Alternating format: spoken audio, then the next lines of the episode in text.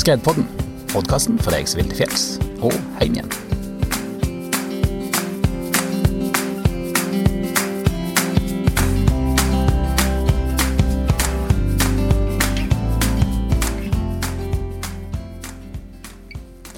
Ja, velkommen tilbake til Skredpodden.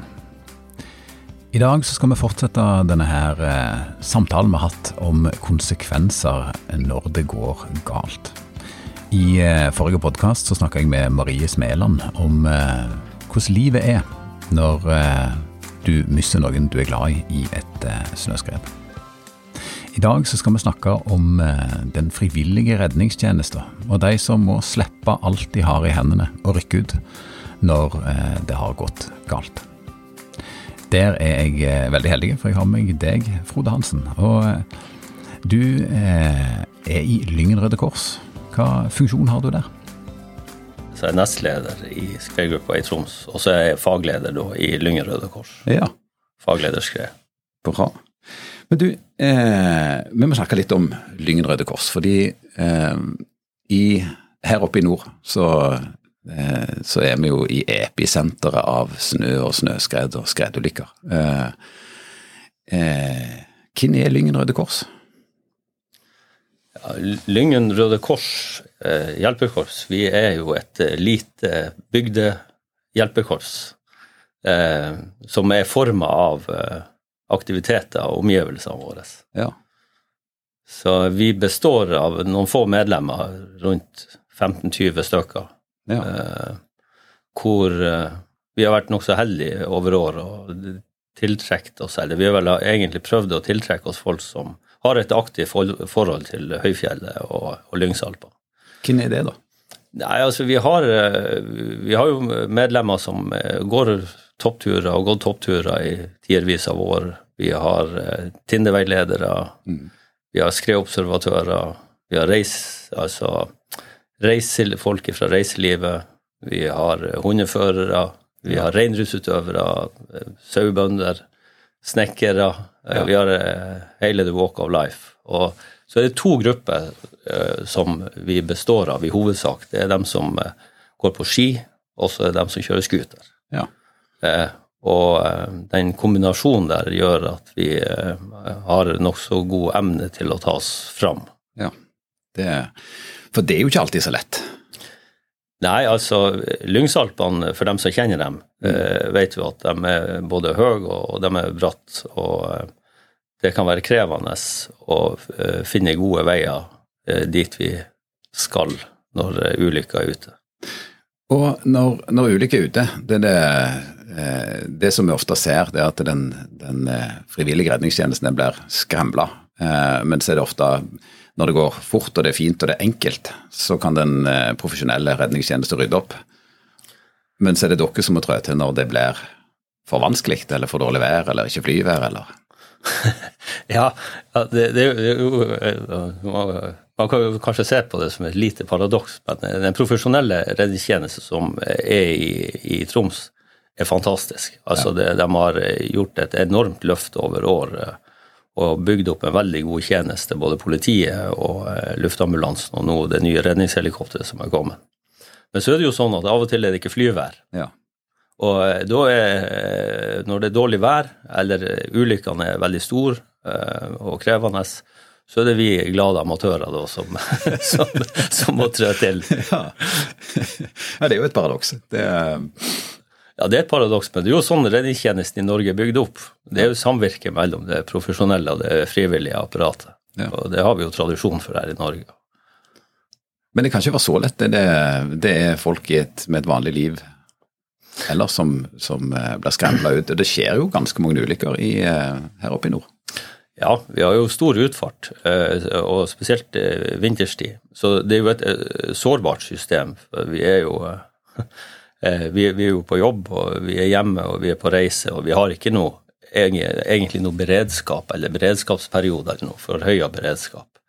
Vi eh, har sekken pakka fra januar og ut skredsesongen. Eller så lenge det er skredforhold, så, er vi, så har vi en personlig eh, høyere beredskap. Mm. Men eh, Vi så på et par ulykker i fjor, så når det er godt vær, så er hele hjelpekorpset til fjells. Og ja. da er det vanskelig å få tak i altså.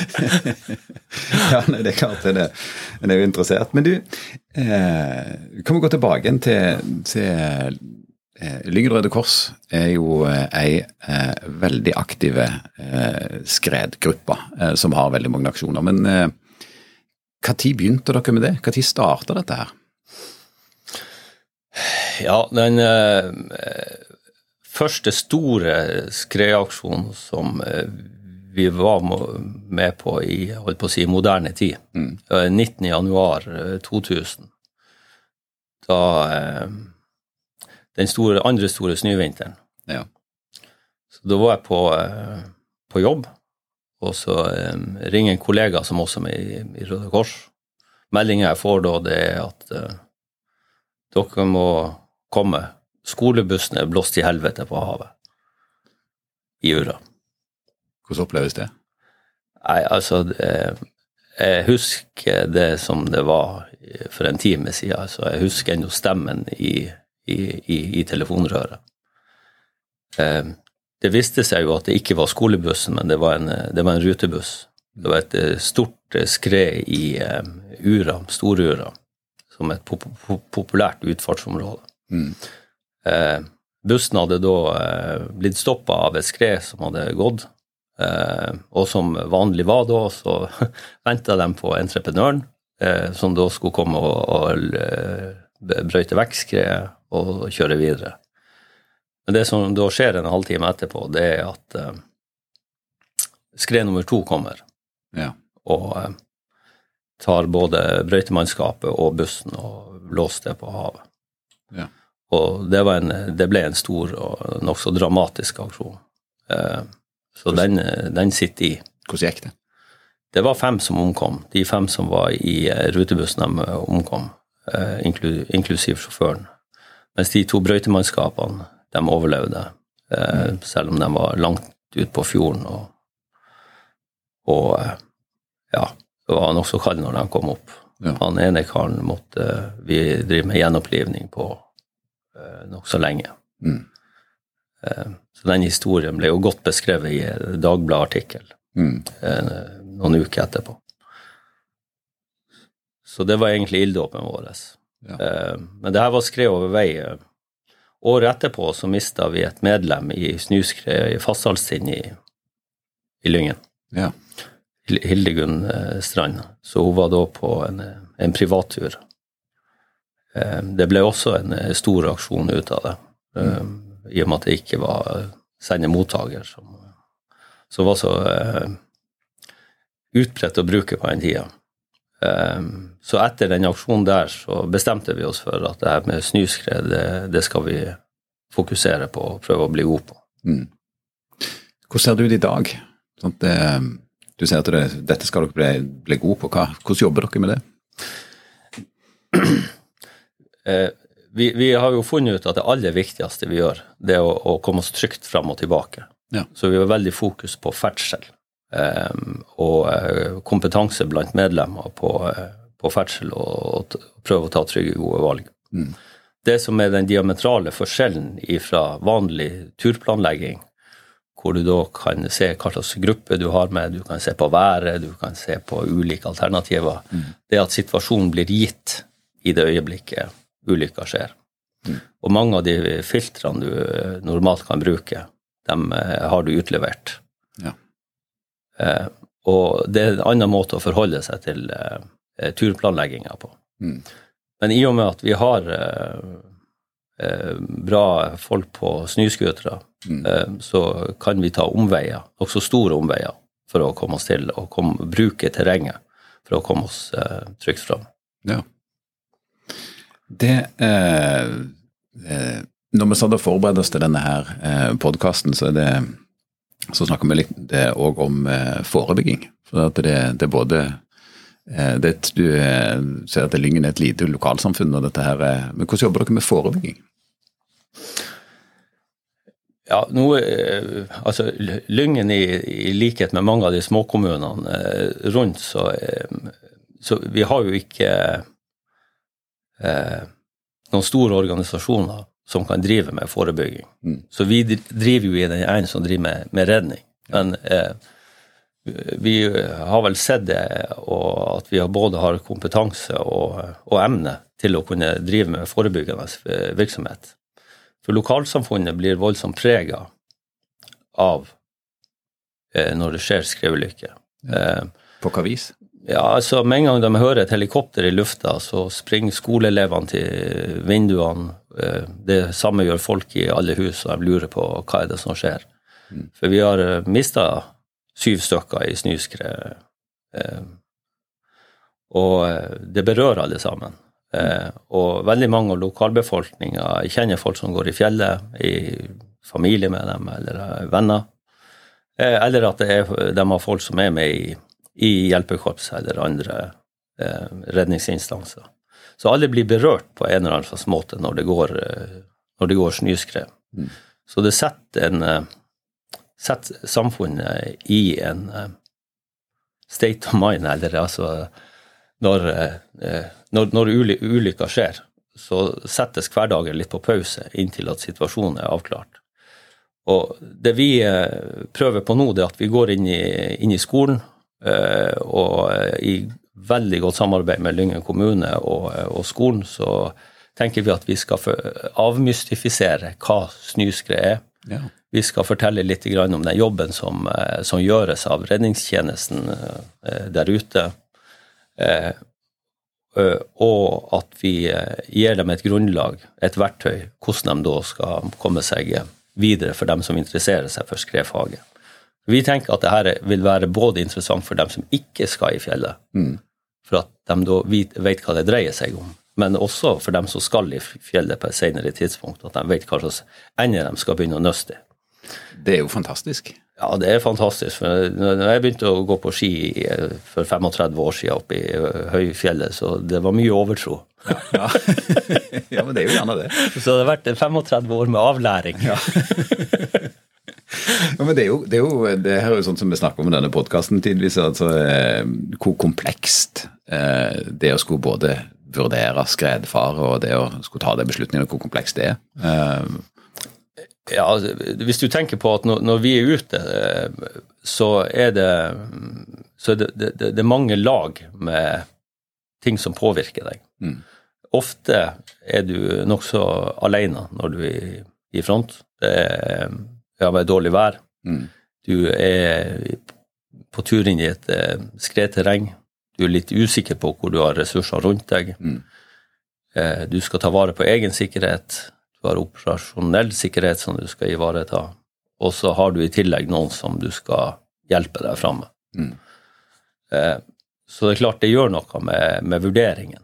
Og jo eh, sterkere vi er på ferdsel og tryggere på ferdsel i og rundt skredterreng, jo bedre er det. Og jo bedre øvd vi er på å håndtere uvær mm. og ta oss fram i dårlig vær, jo, jo bedre er det. Eh, så akkurat innenfor det segmentet der så har vi jobba en del. Men hvis du putter oss i vanlig altså en sånn leteaksjon eller mm. Eh, andre sånne Røde Kors-disipliner, så, så, er vi ikke spesielt eh, dyktige, altså. Nei, men det, det, det er en spisskompetanse her, da? Ja, vi har, vi har utvikla grupper til å håndtere den type oppdrag som er i Lyngsalpene, egentlig. altså. Og det er jo spesielt eh, skredaksjoner, det er, er fallulykker, det er folk eh, som ramler og, og slår seg og knekker, knekker bein. Mm. Så vi har et nokså smalt fokus. Men det med, hvis vi ser liksom på statistikken, så har jo du gått gjennom de eh, skredulykkene som er i, eh, her i, i, nord, i Troms. Ja. Hva er det du finner?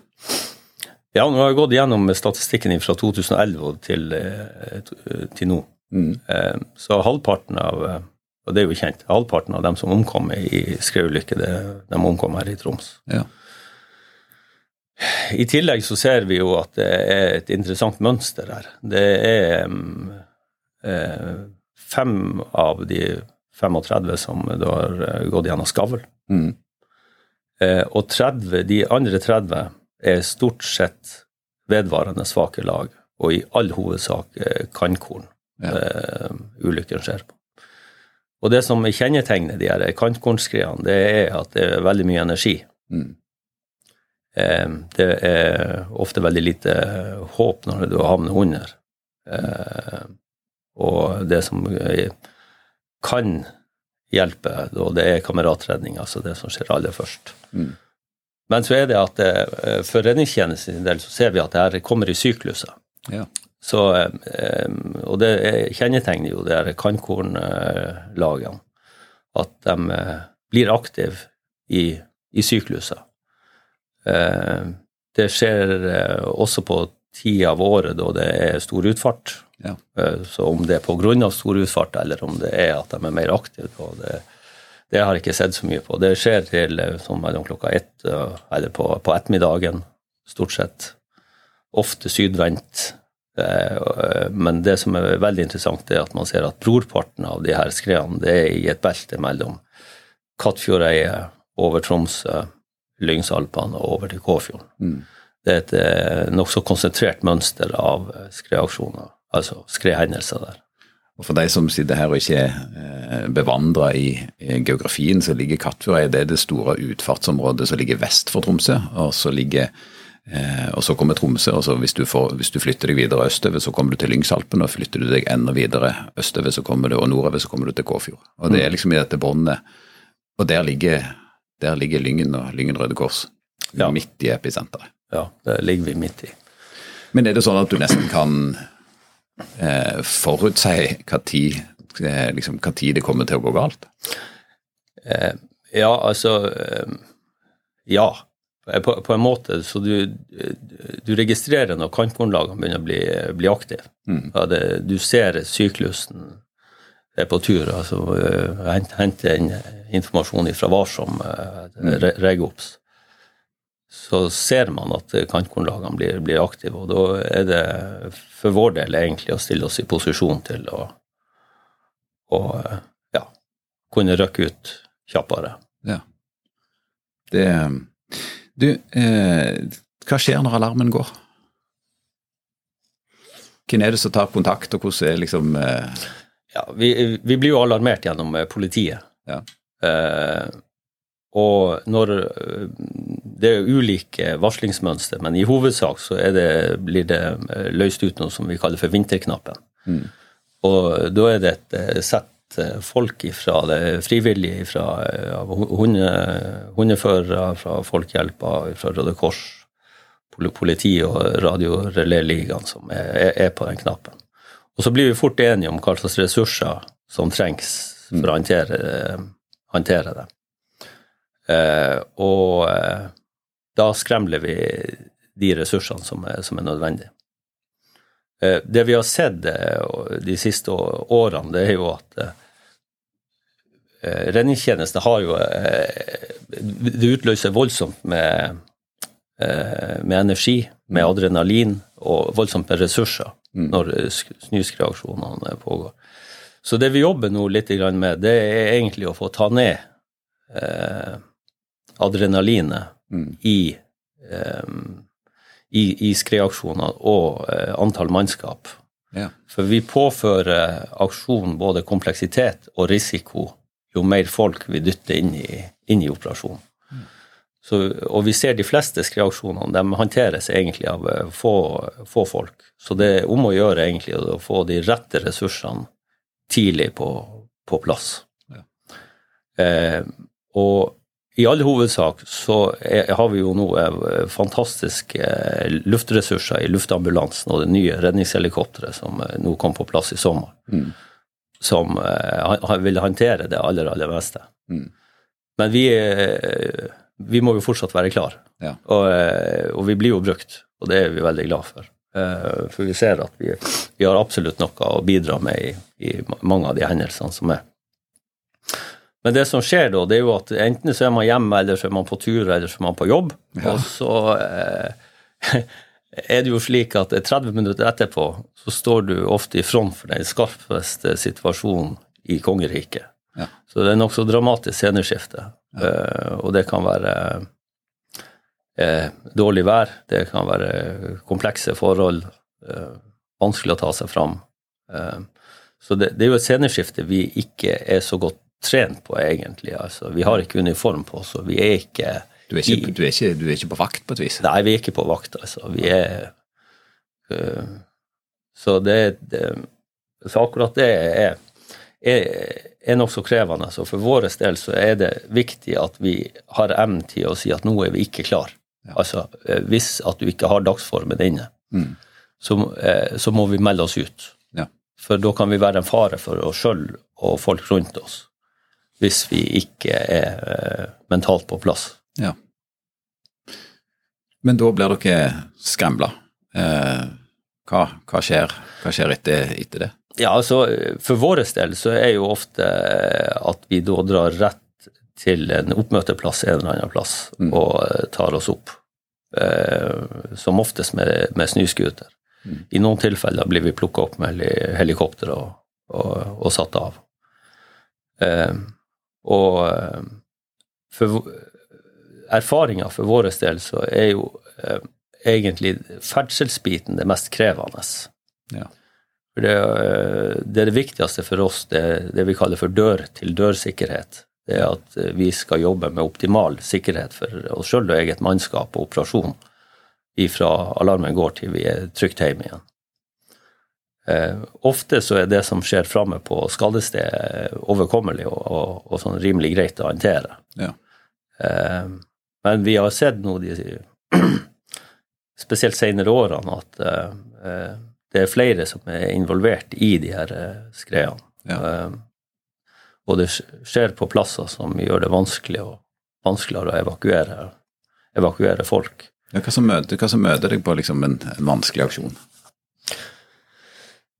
Ja, normalt er det jo å eh, ta hånd om dem som eh, er skada, og dem som eh, ligger under snøen. Mm. Så der har vi jo ulike rutiner for å, å håndtere egentlig litt ulike situasjoner. Mm.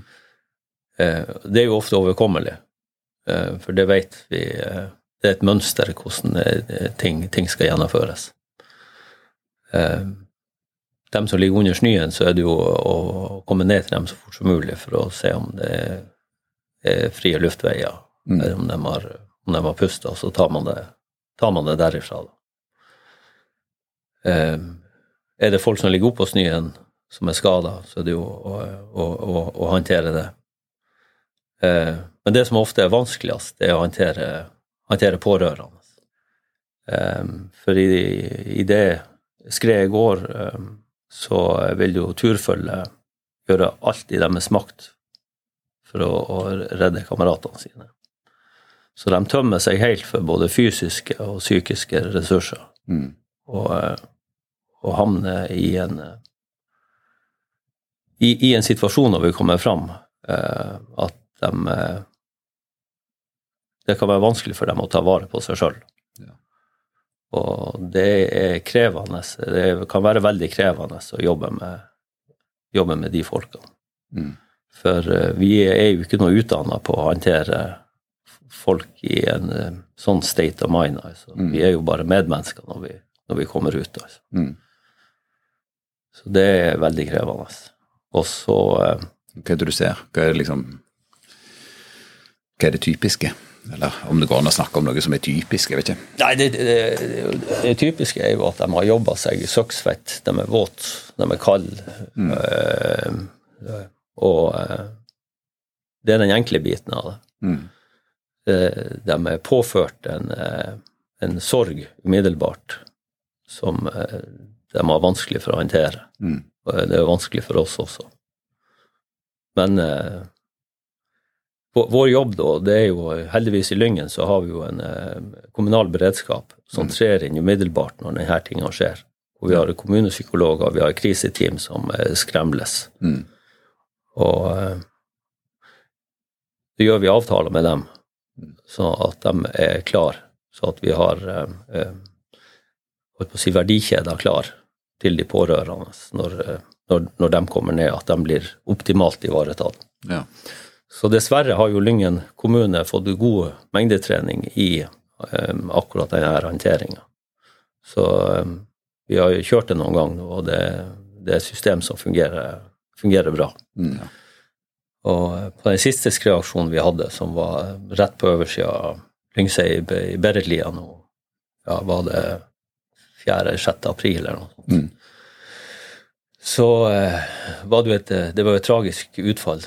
Så eh, allerede når ambulansehelikopteret kom, kom fram, og vi var noen minutter etterpå, så var alle tre erklært eh, døde.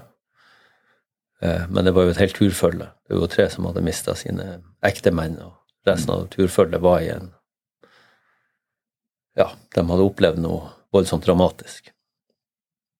Så da er det jo egentlig opp til oss å håndtere dem på en best mulig måte. Mm. Og, og, Hvordan gjør du det? Det er jo litt avhengig av situasjonen. Eh, her nyter jo vi fordelen egentlig av at vi er et lokalt korps, og vi vet hva som er i nærhet av eh, ressurser. Mm. Eh, og vi vet hvordan media og internett fungerer. Mm. Så eh, vi tok kontakt med politiet, eller vi ble enige med politiet nokså fort om at vi eh, tar ned aksjonen. Mm. Og at vi unngår å få inn helikopter til å, å, å løfte dem ut. De omkomne? De omkomne, ja. For det vi vet, da, det er at det vil være noen med mobilkamera nede i bygda som vil eh, filme det her. Og når det da høres at det er tre franskmenn, så vil det her være tapetsert over eh, nyhetene i alle franske kanaler. Og de pårørende nede i Frankrike får kanskje vite det gjennom andre kanaler enn de bør, mm. bør få vite. Så eh, vi foreslo da overfor politiet at vi, eh, at vi tar dem ned eh, med, med skutere. Mm både de omkomne og, og, og de pårørende. Så da eh, sørga politiet og eh, kriseteamet da, i Lyngen kommune at vi hadde verdikjeder klar for de eh, pårørende når de kom ned, at de da kom eh, rett ned til noen som kunne ta vare på dem. Mm. Eh, og etterpå så kjørte vi da prosesjon med de omkomne ned. For vi hadde avklart med bårebil og begravelsesbyrået på forhånd at eh, vi fikk de omkomne ned på en eh, verdig måte og fikk ja. dem inn i, i, inn til et begravelsesbyrå som kan håndtere dem på en uh, best mulig måte. Og det her har nok en nokså stor effekt for, de, for, dem som er igjen. For Har de blitt heist opp i helikopteret, så vil de blitt frakta til uh, Unni, Unni Tromsø, og de måtte da reist ifra Lyngen og hit og fått syna sine kjære. På, benk, ja, på benken. På, på benken, ja. Mm. Eh, I stedet for så eh, fikk vi gjort det på en sånn måte at de fikk eh, av sine kjære i, i fine omgivelser, eh, der begravelsesbyrået hadde, hadde, gjort dem klar da, med, med, med stearinlys og den type ting. Så det gjør at de omkomne da får komme i gang med sorgprosessen på en, på en finest eller best mulig måte, og at de er nær dem. De slipper å reise etter dem. Mm. Så det er jo et, eh, det er en fordel med å ha lokal kunnskap om hva slags ressurser man har rundt seg. Og I et lite samfunn så kan vi spille på kryss og tvers ja. mellom, eh, ja, mellom ressursene. Hvordan er det å stå i en sånn en, eh, en sånn en situasjon som dette her? Altså jeg tenker Du, du snakka tidligere om sceneskifte, sant, ifra at du er hjemme eller på jobb, og så er det plutselig er du i den skarpe enden av, uh, av en aksjon. Uh, og så plutselig endrer dette her seg igjen til at uh, det handler ikke om en redningsaksjon lenger, men det er en, en tilrettelegging og en ivaretagelse av pårørende. Ja, jeg tror vi alle sammen føler det litt ulikt, mm. selvfølgelig. Men det å komme så nær dramatikken og, og sorgen. Mm. Eh, det gjør noe med deg når du ser i øynene på noen som akkurat har noen minutter før mista det kjæreste de eier, eier i livet. Mm. Så det setter et større inntrykk på deg, det, enn når du tar dem som omkomne ut av, ut av snøen. Ja. De, er, de er døde. Dem kan du ikke gjøre noe med. Men det å komme nært inn på de sørgende. Det, det er veldig sterkt. Er det sterkt på en, eh, på en Vanskelig å si en god måte, men er, liksom, er, det, er, det, Ja, altså Vi har jo en rolle. Vi er jo der for å hjelpe til. Eh, så, men du blir jo dypt berørt av det. Mm. Og det er jo ikke noe vi er trent til. Nei. Så da må vi bare bruke det som vi har av menneskelige eh, omsorgsegenskaper til å, til å, håndtere det. For det er jo ett at vi skal håndtere de, de, de pårørende. De går videre. Men så har vi jo en felles historie oss imellom i ja, Redningsmannskapet som vi også skal håndtere. Så Derfor tenker vi også at den historiefortellinga som da blir i etterkant, den er viktig at den blir, den blir korrekt. Ja, Hvordan gjør dere det? Det er jo et voldsomt mediatrykk ja. eh, underveis og eh, etter aksjoner. Og vi svarer jo aldri media underveis i aksjoner. Eh, kanskje lederen vår gjør det. Eh, men det skrives jo veldig mye, og, og vi ser at eh, historiene ofte har eh, galdretning. Så både med tanke på, eh, på de pårørende, men også for, for egen del, så, så, bruker vi eh, å legge ut eh, på, på Facebook i ettertid. Mm. Altså en, en, beskrivelse av hendelsen. Mm. Og det er, det er, rett og slett for å få, få en korrekt fremstilling ut ifra det som, sånn som vi ser det. Mm. Eh, så vi har jo anledning til å beskrive det vi har vært med på. Vi avklarer det med politiet når vi, mm. Eh, eh, ja, når vi skal gå ut med bilder og, og, og historier. Og vi opplever jo at det har hatt en god effekt både for eget mannskap, for lokalsamfunnet, men også for de, de pårørende. Og, mm. og historier i etterkant. Ja. ja. Hvordan er det Er det utfordrende å håndtere media? Er det liksom en Eller er det noe som dere bare setter helt til sides? Nei, altså Media har jo en viktig oppgave. Mm. Eh, og eh, vi er jo nødt til å eh, håndtere media på en sånn måte at de får en mest mulig korrekt fremstilling av, av hendelsen. Mm. Det som er vanskelig, det er at eh, hvis media tar kontakt underveis. Og, for de har telefonnumrene våre, mm. så de kan ringe oss mm. når vi er på tur opp i skred. Og vi må svare fordi at det kan være aksjonskritisk informasjon. Ja. Da stopper du framrøkinga eller innsatsen vår opp mens man må svare og avvise en telefon. Ja. Eh, men vi har et veldig godt forhold til media, og de aller fleste mediene er veldig flinke og grundige i den jobben, jobben som de gjør. Eh, men det de må være klar over, det er at når de intervjuer oss i etterkant, så kanskje bare noen minutter før så var vi i en veldig eh, ja, skarp situasjon. Mm. Og noen minutter før der igjen var vi hjemme eller på jobb.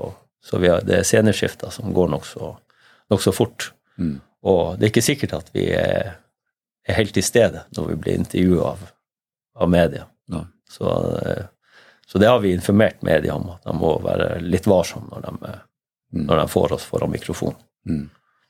Du, eh, du, ser at det, det, er jo folk som ferdes mye til fjells, som, som er i hjelpekorpset. Eh, når alarmen går, da, det, det, da er dere gjerne allerede på plass? Jeg vet det Ja, det, det, er jo bl.a. derfor at det er et ubehag eh, når alarmen går. Ja.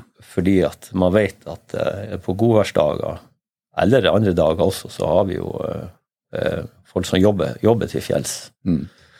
Så da går jo tankene i, i, i, i retning er det, er det kjentfolk. Ja.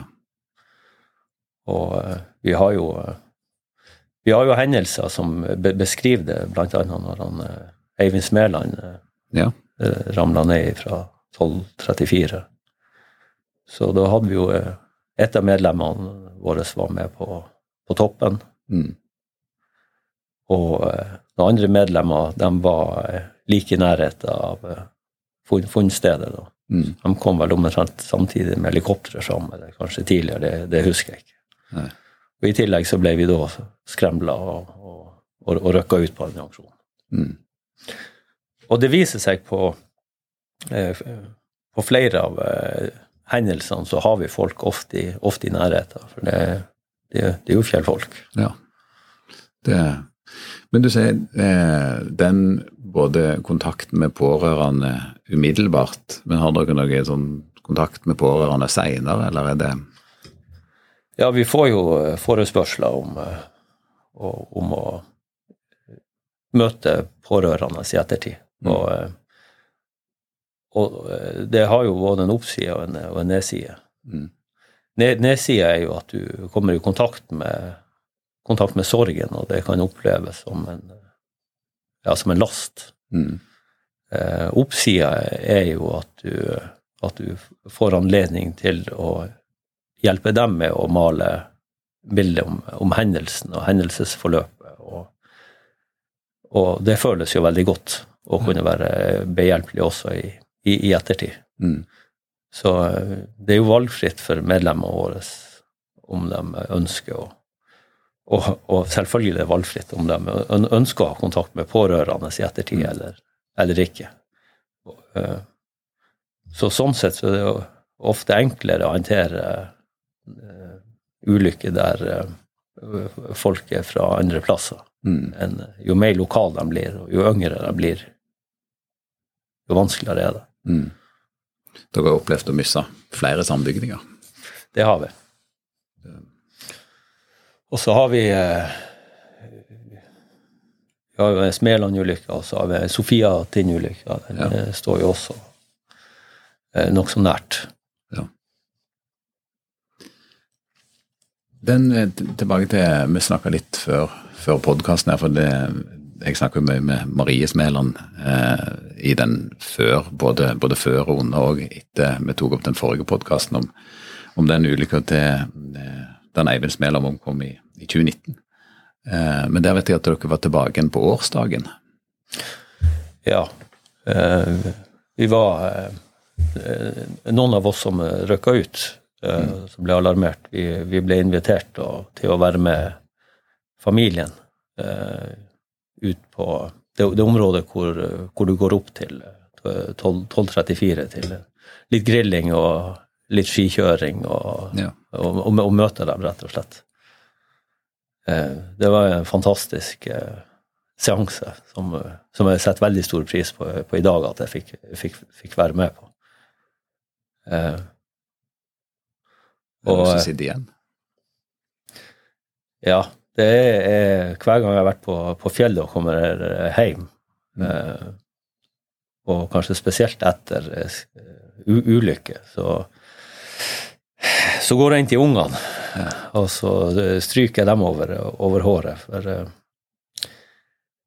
eh, de ungene til han Eivind de har ikke anledninger til at eh, faren kommer og stryker dem over håret. Mm. Um, uh, det var en, en av guttene uh, til, å, til, han Eivind og Marie som, uh, som, som spurte meg for jeg, jeg, fortalte litt om at vi var inne og rydda opp utstyret og og så var det noen som spurte om vi fant noen solbriller. Så, så guttene hadde registrert at solbrillene var knust. Mm. Eh, vi var jo ikke der og, eh, og transporterte eller eh, transporterte han ut. Da. Det var ambulansehelikopteret som gjorde det. Vi tok vare på utstyret. Men uh, han ene gutten han, han, ser på meg, og så spør han siden solbrillene var knust, om, om pappa hadde hold på øyet. Mm. Uh, og det er noe som henger igjen. altså det er viktig å få alle de der svarene for å ja. lukke historien på ja. Det er jo, i likhet med oss med redningsmannskap, så er det, så er det også for de pårørende det å få, få svar på alle små og store spørsmål. Mm. Og de ideene dere på? Ja. ja, det kan være detaljer. Og, og, det kan være detaljer som de pårørende går, går rundt og tenker på, og der kan vi være behjelpelige med å, å gi svar på det som vi vet. Både viktig, men, men krevende. Ja, når uhellet er ute og det omkommer folk i snøskred, så det er jo alltid noen igjen. Mm. Og da er det jo dem vi har anledning til å hjelpe. Ja. Så har vi jo, når vi kommer eh, ned fra aksjoner, det er jo, det er jo sterke inntrykk. Ja. Um, og det er jo å jobbe med eget, eget mannskap, um, sånn at vi skal ikke ta skade av det. Hvordan gjør dere det? Ja, det er veldig enkelt på en måte. Det er jo å, eh, å eh, få svar på alt det folk lurer på. Mm. For hvis det er noe som drar folk tilbake til ulykker, så er det ubesvarte spørsmål. Det kan være småting. Så der er vi veldig nøye med å oppfordre folk til å, å få svar på alt. Vi har jo eh, at vi har en teknisk gjennomgang etter hvor, hvor vi prøver å få, få, få svar på alle spørsmål. Mm. Eh, og vi prøver å dokumentere ting så godt som mulig når vi er ute med form av eh, bilder og eh, ja, tar snyprøver og eh, får GPS-posisjoner på alt. Slik at det er minst mulig usikkerhet både for oss sjøl, men også at vi kan gi den informasjonen til eh, politiet og pårørende når vi da eh, kommer inn. Eh, Så det å bygge Men den viktige delen Vi har jobba en del med Sjur Nesheim. Han, var kommunepsykolog i Lyngen inntil i fjor. Og han har jo et langt liv i fjellet eh, og har vært med på mye. Eh, så han har gitt oss en, eh, en god del verktøy som vi kan jobbe med. Og det viser seg det med å jobbe med ting i, i forkant. Ja. Det er det aller viktigste. Det å fortelle historier, eh, jobbe med scenarioer, scenarietenking. Men også det aller viktigste det er å bli trygg på det operasjonelle Ja. og føle sikkerhet i operasjonen. For den største eh, faktoren for eh, at man eh, kan slite i etterkant, det er hvis man føler seg utrygg, eller hvis man ikke føler seg klar. Ja. Hvordan, er det helt sånn konkret, og hva er det, jeg tenker at det, Du ser du jobber med scenarioer for å forberede dere. Hvordan, er det sånn at dere samles på høsten og jobber som gruppe, eller hvordan foregår dette her? Ja, altså det, Imellom medlemmer så diskuterer vi hvordan vi kan løse forskjellige oppdrag. Vi har eh, kjørt en del planspill Ja. eh, på eh, vi, vi setter en situasjon på et fjell, og så prøver vi å, å jobbe med det. For det å, å håndtere den tekniske gjennomføringa, det er å, å føle at du er trygg hele veien, og at du sjøl ikke tabber deg ut og, ja. og gjør, gjør dumme ting. Eh, Det hjelper veldig godt på for eh, det som skjer i etterkant. Det gjør deg mye mer mentalt robust til å kunne håndtere eh, dramatiske situasjoner. Ja. Og vi har jo vært med på nokså mange dramatiske hendelser etter hvert. Hva er det som sitter mest igjen da av det som dere har vært med på? For egen del så er det jo de første hendelsene. Det er jo den, den bussen i Jura og, og det at vi mista Hildegunn Mm. eh, i, i skred. Det, det kommer alltid til å, å, å sitte igjen. For det, i begge aksjonene så strakk vi ikke til. Nei. Altså, jeg føler ennå i dag på en usikkerhet på det vi gjorde i, i Jura. Vi gikk inn for langt. Vi visste ikke hva vi hadde over oss. Det var eh, Men eh, det, det gikk jo bra. Ja. Eh, med Hildegunn-aksjonen også, så var det jo Ja, vi var ikke klar for den type hendelser. Så det, så, så det, det, det, det henger igjen. Så vi, men vi er jo blitt bedre på, eh, bedre på det. Men vi er jo, vi er jo langt ifra noen eh, eksperter. Ja, men dere blir jo nesten det når dere får eh, opparbeida dere såpass mye både mengdetrening og, og spisskompetanse. Det her er jo, det her er jo snakk om en, en, en, ekspertise, tenker jeg, i den frivillige redningstjenesten. Ja, altså vi, vi, vi prøver jo å tenke eh, Altså pasient. Hva vil pasienten at vi skal gjøre? Mm.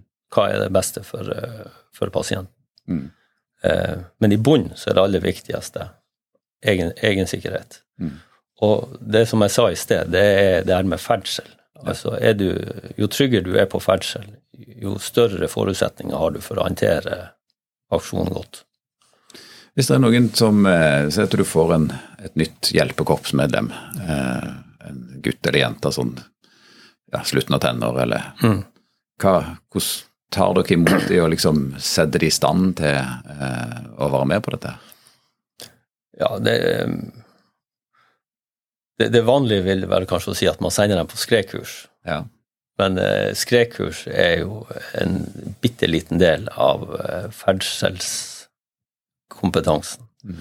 Så eh, vi tar dem jo inn, vi tar dem med på turer. Og eh, dem som skal ut og være i, i front, det må være folk som er, er aktive i fjellet. Ja. Eh, så eh, det er så lett å vurdere feil. Ja.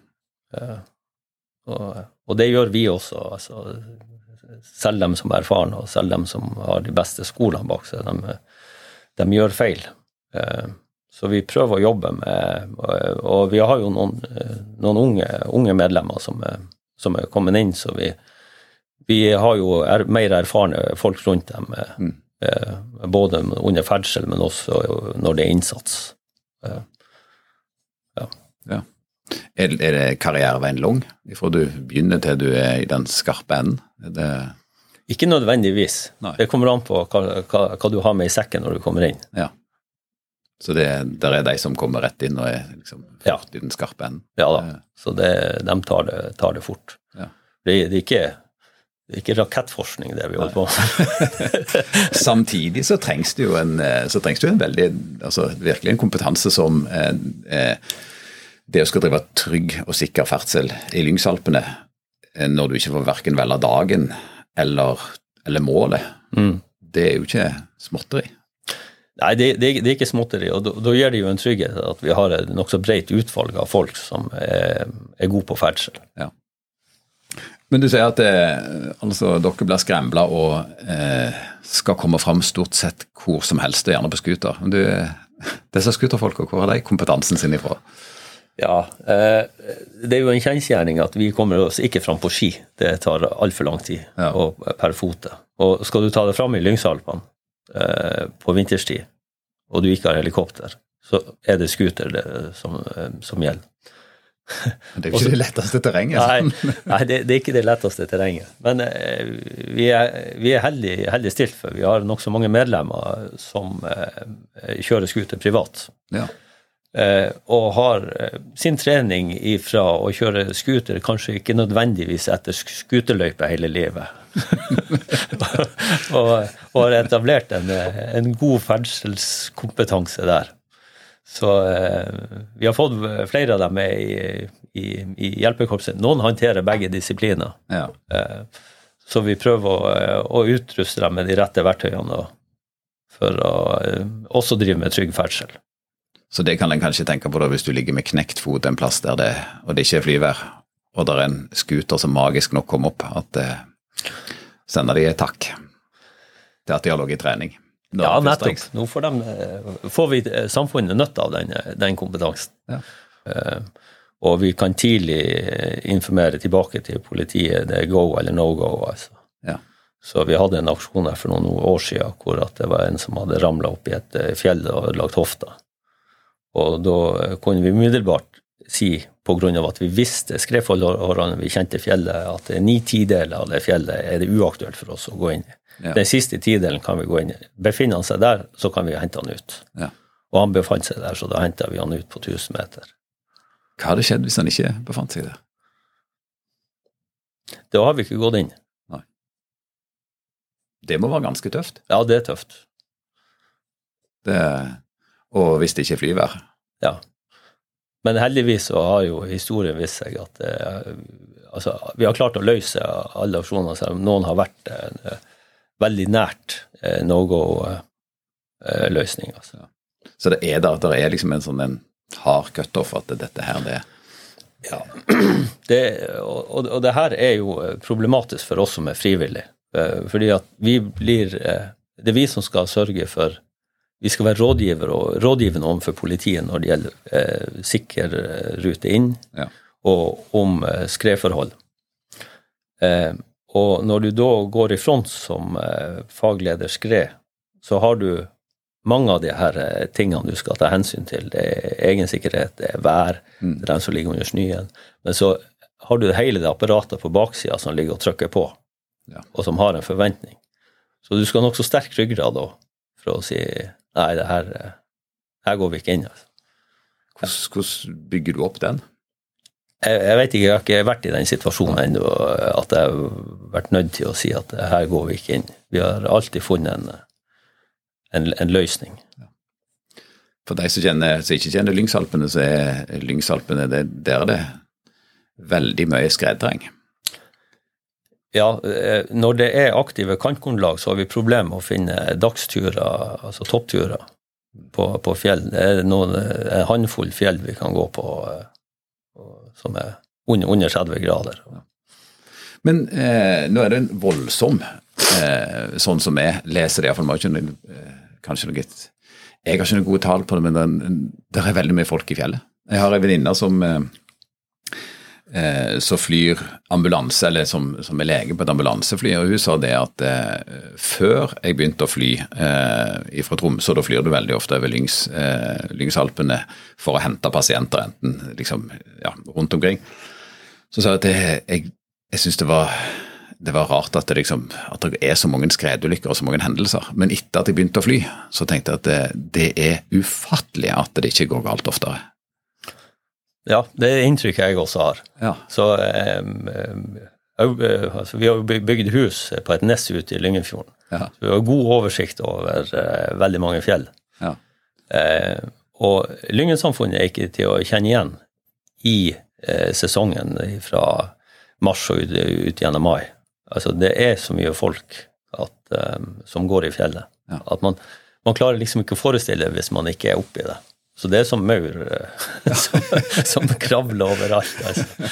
Så eh, det er tanken som slår meg, at det, det er rart at ikke det skjer mer uhell ja. enn, enn det skjer. altså. Og da, er, da, ligger det et potensial her for at det kan komme flere store skredulykker liksom nesten oppå hverandre?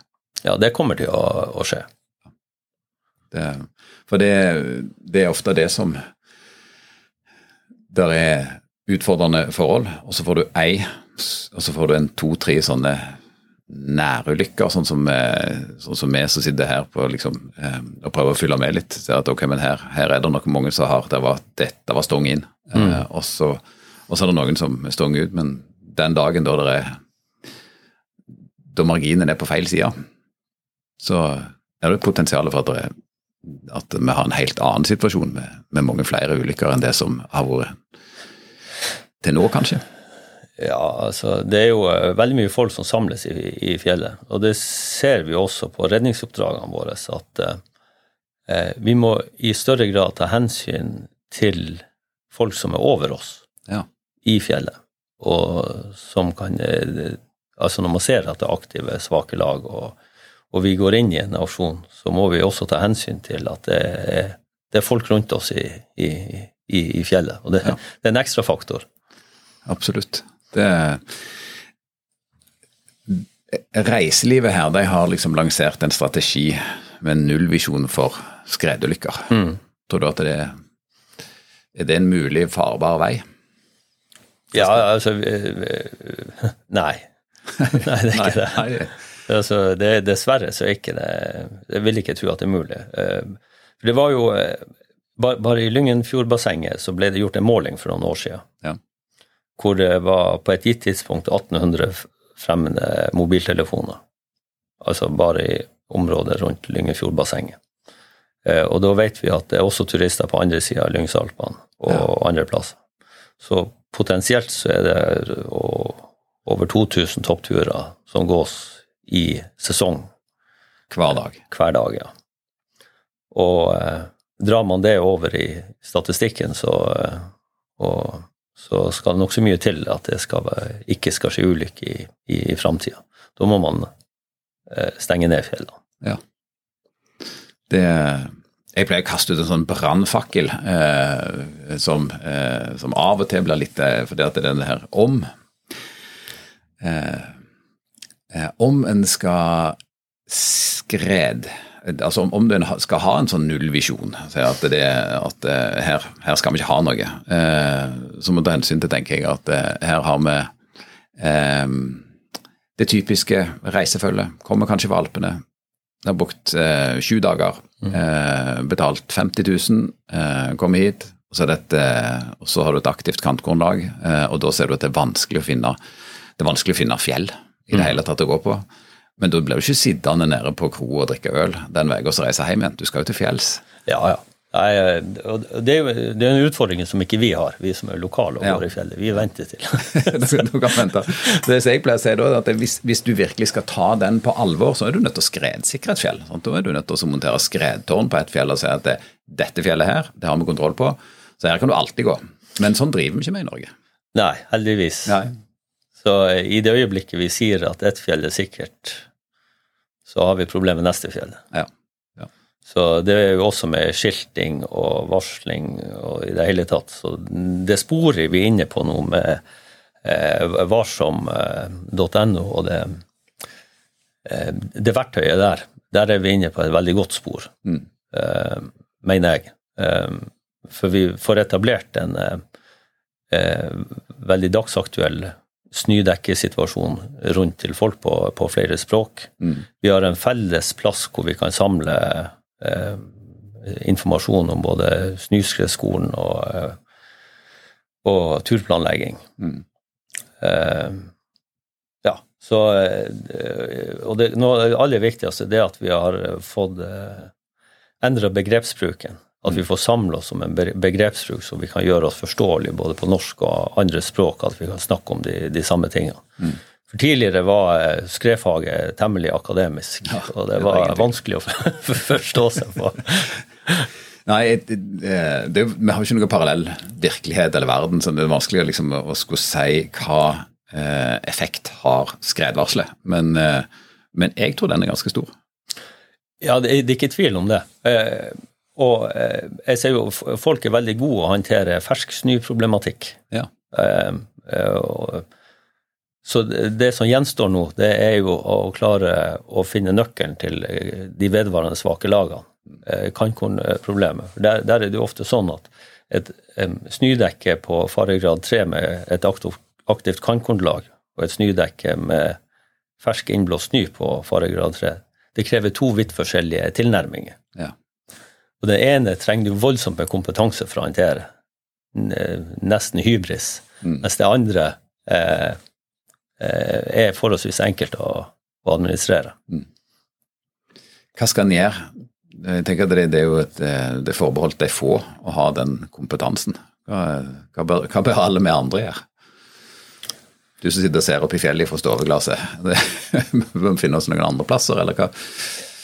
Nei, altså eh, Nei, det var Det er vanskelig å vite. Det, det, for det, det, det, her, jeg tenker det, det, det der som er utfordringa både når vi når eh, Lyngen skal tilrettelegge for enda flere hotellovernattingsdøgn. Eh, det er viktig for reiselivet. Der er, der er flere folk. Eh, og så kommer de, og, eh, og, så kan vi ikke styre bedre.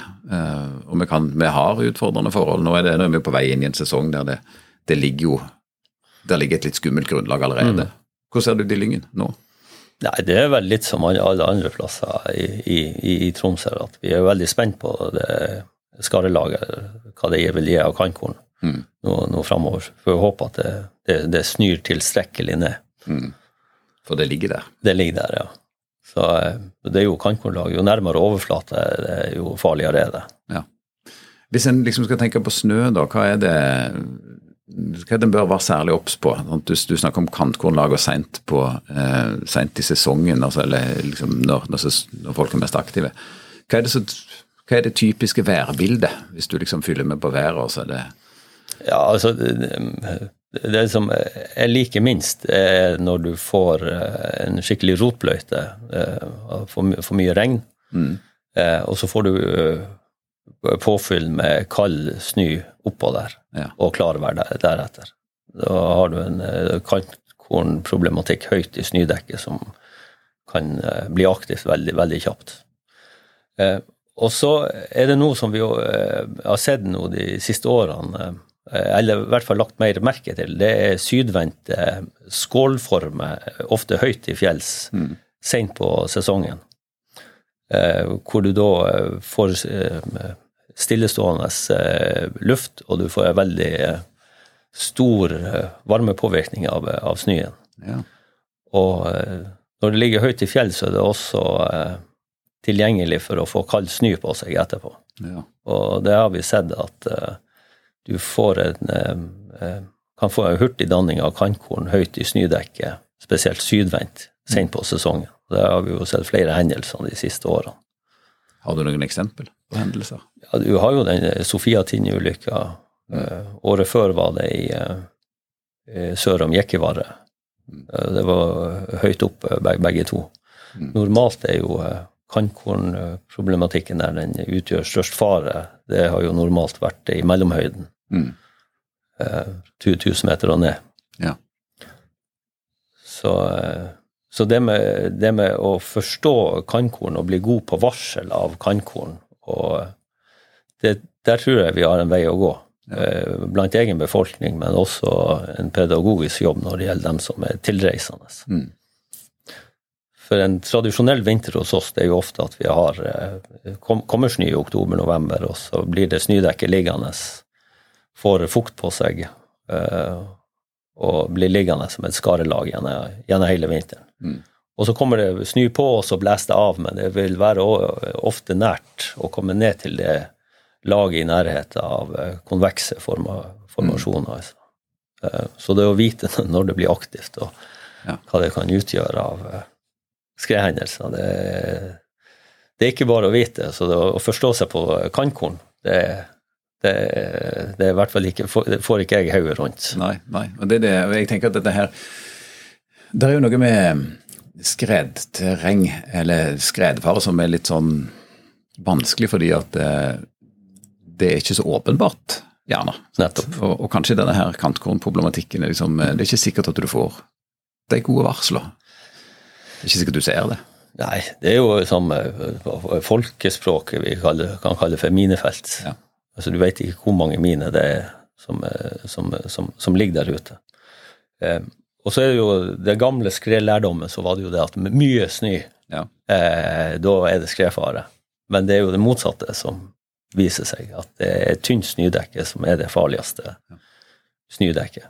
Det er ikke det at det gir så vanvittig svære skred, men da er det flere miner tilgjengelig der ute. Det, som vi får håpe på en vinter med veldig mye snø? Ja, vi hadde jo den første koronavinteren. Ja. Da fikk vi jo et lavtrykk hver tredje dag inn. Ja. Og det har jo, jeg har jo ikke opplevd så stabile forhold. Nei. og da var det ingen, var det ingen turister heller Nei. Så, det, så dere har hatt et par år med, par år med koronapause? i... Uh... Nei, det har vi for så vidt ikke. Altså. Så vi har vært i aktivitet hver, hver vinter. Ja. Eh, det har vi. Hvordan er dette her Jeg tenker det, Er det en stor slitasje på et så lite eh, hjelpekorps eh, å skulle håndtere en eh, Jeg tenker jeg sammenligner Lyngen Røde Kors litt med eh, den alpine redningsgrupp, det den alpine redningsgruppa i Stavanger er eh, rundt Lysefjorden, der du har veldig mye basehopping. Da er det, da er det få personer som får veldig mange aksjoner. Eh, og litt det samme er det i Lyngen, at det, er et, det, det, det havner på få hender. Ja, vi, vi, vi, har jo ikke så veldig mange aksjoner, men de aksjonene som vi er med på, det er jo ofte eh, nokså eh, eh, alvorlige. Mm. Eh, og det, det, er klart, det, det sliter på folk, men medlemmene våre eh, i stor grad så ser ikke de på det som en, som en hobby. Nei. Det er mer en sånn samfunnsplikt. Altså, det, det, er ikke andre ressurser. Så vi må bare trå til. Og sånn er det i små samfunn. Det er det jo noe veldig fint med. Ja, men eh, det er jo ikke noe finere det enn folk som bidrar på andre måter. Altså. Det er bare det at det blir veldig, veldig synlig. Uh, uh, og uh, det er lett å klistre på en sånn helte, heltestatus på oss, mm. men for oss som er i det, så ser vi helt annerledes på, på det. Altså det, det, er ikke, det er ikke den følelsen vi, vi sitter inne med. Det er, det er, jo mer det at vi håper nå at det kommer andre redningsressurser inn, så vi er veldig glad for det, sånn som når COC kommer med redningshelikoptre. og og vi ser at det popper opp redningsgrupper i Nordreisa, Skjervøy, andre plasser som kan være med å ta, ta lasta og bygge opp eh, kapasitet og kompetanse til å håndtere det her. Mm. For eh, det er ikke tvil om at det er sårbart å jobbe med det frivillige, for vi, jo, vi får jo ikke knapp av glansbilder for, for, det vi gjør. men det er en interesse, og i tillegg til at vi mener at vi gjør en jobb som samfunnet nyter, nyter, godt av det, så er det jo veldig meningsfullt å hjelpe folk. Mm. Eh, men det viktigste av alt er jo at vi trives i lag. Ja. Vi har noe å snakke om. Så, eh, og, eh, men vi er jo ikke et hjelpekorps som samles til julebord. Jeg tror ikke vi hadde julebord på 15-20 år. Vi har ikke sånne sosiale setninger. Vi møtes. vi er, det er liksom eh, all walks of life. Altså, vi har eh, folk fra MDG og, og folk fra Fremskrittspartiet. Vi har læstadianere, og vi har eh, folk som ikke tror på noen ting annet enn julenissen og alle aldre. Men det har vi samla i den gruppa her og, og fått det til å fungere på en Vi har et felles oppdrag, og vi har fått det til å fungere på en ok måte. Ja. Er det Hvordan ser framtida ut, da? Er det Ja. Eh, jeg, jeg, tror jo at eh, eh, for, for, vår del så vil vi bli mindre brukt ja. pga. at det er flere gode redningsressurser rundt oss. Og Det er sånn tveegga sverd. Mm. Vi ønsker jo å bli brukt sol, på solskinnsdager for å få trening. Ja. For vi er ikke gode å trene. Vi er mange som tror at vi er topptrent og ofte ute og jobber med det her, men sannheten er jo noe helt annet. Vi er, vi er, ikke, vi er ikke, så veldig mye er ute å trene. Vi er ute for oss sjøl og driver med ferdsel og eh, de tingene der. Og så har vi noen kurs og øvelser i, i, i lag. Eh, så det, det, er sårbart. Så vi håper jo at vi får eh, tilstrekkelig med rekruttering etterpå. At redningstjenesten bruker oss også på de enkle oppdragene, for det er veldig god trening for oss. Mm. Eh, og vi har jo et fantastisk samarbeid med, med, med med alle rundt oss, egentlig, fra Lyngen kommune, som støtter oss voldsomt, lokalsamfunnet, og spesielt politiet, hundeførerne der, og innsatslederne. Og det hele tatt, så, så den redningsfamilien føler vi at det er en veldig god familie å, å tilhøre, vi, vi, vi backer hverandre. Mm. Hva er byrden?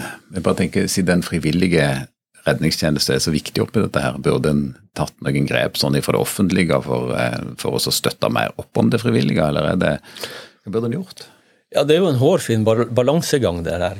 Hva skjer med det frivillige initiativet i det øyeblikket du begynner å putte penger inn i det? Ja. Eh, for den misnøyen vi opplever med å ikke få penger, det skaper også ja. motivasjon. Paradoksalt nok at man slår unna det fra opp. ja, sant. ja, det er jo interessant. Så det, så det kan være litt sånn kontraintuitivt at du går inn og betaler for, og så forsvinner ja, men, det, men, men eh, altså, sånn seriøst så vil jeg jo tro at hvis ferdselen øker i årene som kommer, eh, så tror jeg jo det offentlige må inn og semiprofesjonalisere, altså en type bakkestyrker, ja. Eh, for at vi skal ha en helhetlig redningstjeneste. Eh, for det er veldig mange områder som altså, vi, ikke, vi ikke går inn i. Mm. Og større og større deler av Lyngsalpene blir, blir brukt. Mm. Eh, det, og Ofte det nærmer seg områder hvor vi bruker, må bruke tau og stegjern og isøks for, å, for, å, sikre oss sjøl. Mm. Og, og, det er også ferdsel og ferdselsmønster. Vi kan ikke forlange at eh, hvis det, hvis det blir mye aksjoner i framtida, at eh, frivillige folk skal jobbe med, med det her, da tenker jeg da blir det en profesjon etter hvert. Mm. Ja. Tror du at det skjer? Nei. Nei. Så dette her, kjære statsminister, hvis du hører oss Nei, for Lyngen er en så liten del av Norge. For oss er det alt, men for resten av Norge så er Lyngen og området her det er nokså lite. Så ellers i Norge så fungerer jo det frivillige apparatet veldig godt med sida av det profesjonelle. Det gjør jo vi også, men, men, vi begynner å nærme oss en grense hva det er slags type aksjoner som vi, vi klarer å håndtere. For det, det krever nokså mye kompetanse. Ja. Så det med å bli laug i skredterreng, det krever jo et helt liv, og selv da er du ikke laug nok. Nei. Eh, så det er vanskelig å få på plass en utdannelse som er tilstrekkelig god for å håndtere det her. Det er mye mer komplekst å drive med ferdsel i skredterreng eh, i en aksjon enn når du er på privaten. Ja. Da kan du komme fram til, eh, drive med turplanlegging, komme fram til et enkeltheng og så si at ok, vi velger plan B. Ja. Her har vi ikke muligheter til det. her må vi ha plan A, B og C fra utgangspunktet. Ja. Og eh, eh, jeg tenker, hvis du med den både bakgrunnen og erfaringa du har, eh, skulle gi et råd til de som kommer til Lyngen, skal på ski i Lyngen, hva ville du sagt? ja, nei, det er jo ja, det å nyte Lyngen fullt ut, altså. Det er jo det er de helt vanlige tingene. Det er sette seg godt inn i skredvarselet. Nødvendigvis ikke tallet, men det som står der. Mm. Og være veldig opptatt av om det er svake lag, og hvor de, hvor de befinner seg, hvis man skal inn i skredterreng. Sofiatind var jo et skred som løsna høyt oppe. Mm. Eh, sørvendt. All sannsynlighet kantkorn. Eh, et aktivt eh, kantkornlag. Eh, og der var det jo slik at helga før og noen dager før så var det veldig varmere vær, mm. og sola sto nokså hardt på fra, fra sør. Og, og, og, ga fukt i, i snødekket også høyt oppe. Akkurat den dagen så er jeg på tur opp til en 1200-1300 sånn meters stoff som har vært oppe på ja, over 200 ganger på ski. Aldri snudd, bortsett fra den dagen. Ja. Eh, da kommer vi inn på et felt som eh, er helt tydelig at det her er det ustabilitet. Og i og med at jeg er observatør i, i, i Varsom også, så tenker jeg at jeg skal melde det her inn. Mm. Men eh, jeg vet jo at det her kommer ikke med for dagen etter uansett i, i, i varselet, så vi Eh, rive av fellene, og så kjører vi ned, og så går vi opp et annet fjell. Mm. Um, og når vi kommer opp på fjellet og skal sette meg ned og skrive varselet, eller um, den observasjonen om at det, det, virker som et aktivt kantmordlag, så går alarmen da på Sofiatind. Ja. Og jeg vet umiddelbart hva som har skjedd. Mm. Um, da var det kommet kald snø på den varme, våte snøen. Og det har blitt et eh, kantkornlag høyt oppe i snødekket som det har, som det har løsna. Og som er vanskelig å se og håndtere? Det er vanskelig å se og håndtere. Det er vanskelig å forut, forutsi. altså. Mm. For uh, Natta før hadde det jo vært nokså mye vind fra nordvest og lasta inn mye kald snø. Mm. For det registrerte oppe på toppen her det var at det var veldig kaldt. Ja. Eh, og kald og varm snø liker ikke hverandre noe særlig godt. Nei. I hvert fall når det er fukt i den varme snøen. Ehm, så der tenker jeg at ehm, har det vært en mulighet for å kunne varsle den type observasjoner kjapt, mm. altså en type push-varsel som har gått til alle sammen i området, at uh, her er det uh, potensielt farlig, farlig snødekke, altså et mm. vedvarende svakt lag, så kunne vi kanskje kommet ett skritt, skritt lenger. Ja. Altså på lik linje med når VG pusher nyheter om et eller annet, så ja. at du har fått det få det samme opp i varslingsruta, for da får man det ikke dagsaktuelt, men du får det eh, nå-situasjon. Ja, nå-situasjon, og at det er områdeavgrensa hvis jeg er i det området. Ja. Det, ja. ja. men det, det, her er jo noe som jeg kan Et godt forslag til mm. skred, eh, de som sitter og uh, jobber med skredvarsling. Ja. Har du sekken med deg i bilen i dag? Nei, i dag har vi bytta bil, og fruen og meg. Ja. så, så, det oppdaga jeg på Breivikeia. okay, sekken er på feil plass. Ok, Så da, da har du et stykke å kjøre? Ja, Nei da, jeg tar ikke så, så blodseriøst. Får vi håpe at alarmen ikke går i dag. Nei da, det, det, men vi har, det er så mye gode folk uh, i redningstjenesten at vi er heldigvis ikke avhengig av, av en. Jeg er jo uh, etter hvert begynt å bli en, en, en voksen mann. Så jeg ser jo til min glede at jeg, jeg gror godt rundt i, i korpsene rundt omkring, og, og i egen, egen gruppe. Så, så jeg, tilbake til spørsmålet, så jeg tror at vi har, har en slagkraftig gruppe også i framtida. Da kan jeg si, eh, på vegne av Eh, alle de som ferdes i skredterreng. Så tusen takk for all den innsatsen som blir lagt ned, for den er formidabel. Det ser vi, og den er vi avhengig av. Det, det tror jeg. Takk for det. Ja. Frode, tusen takk for at du kom til Skredpodden.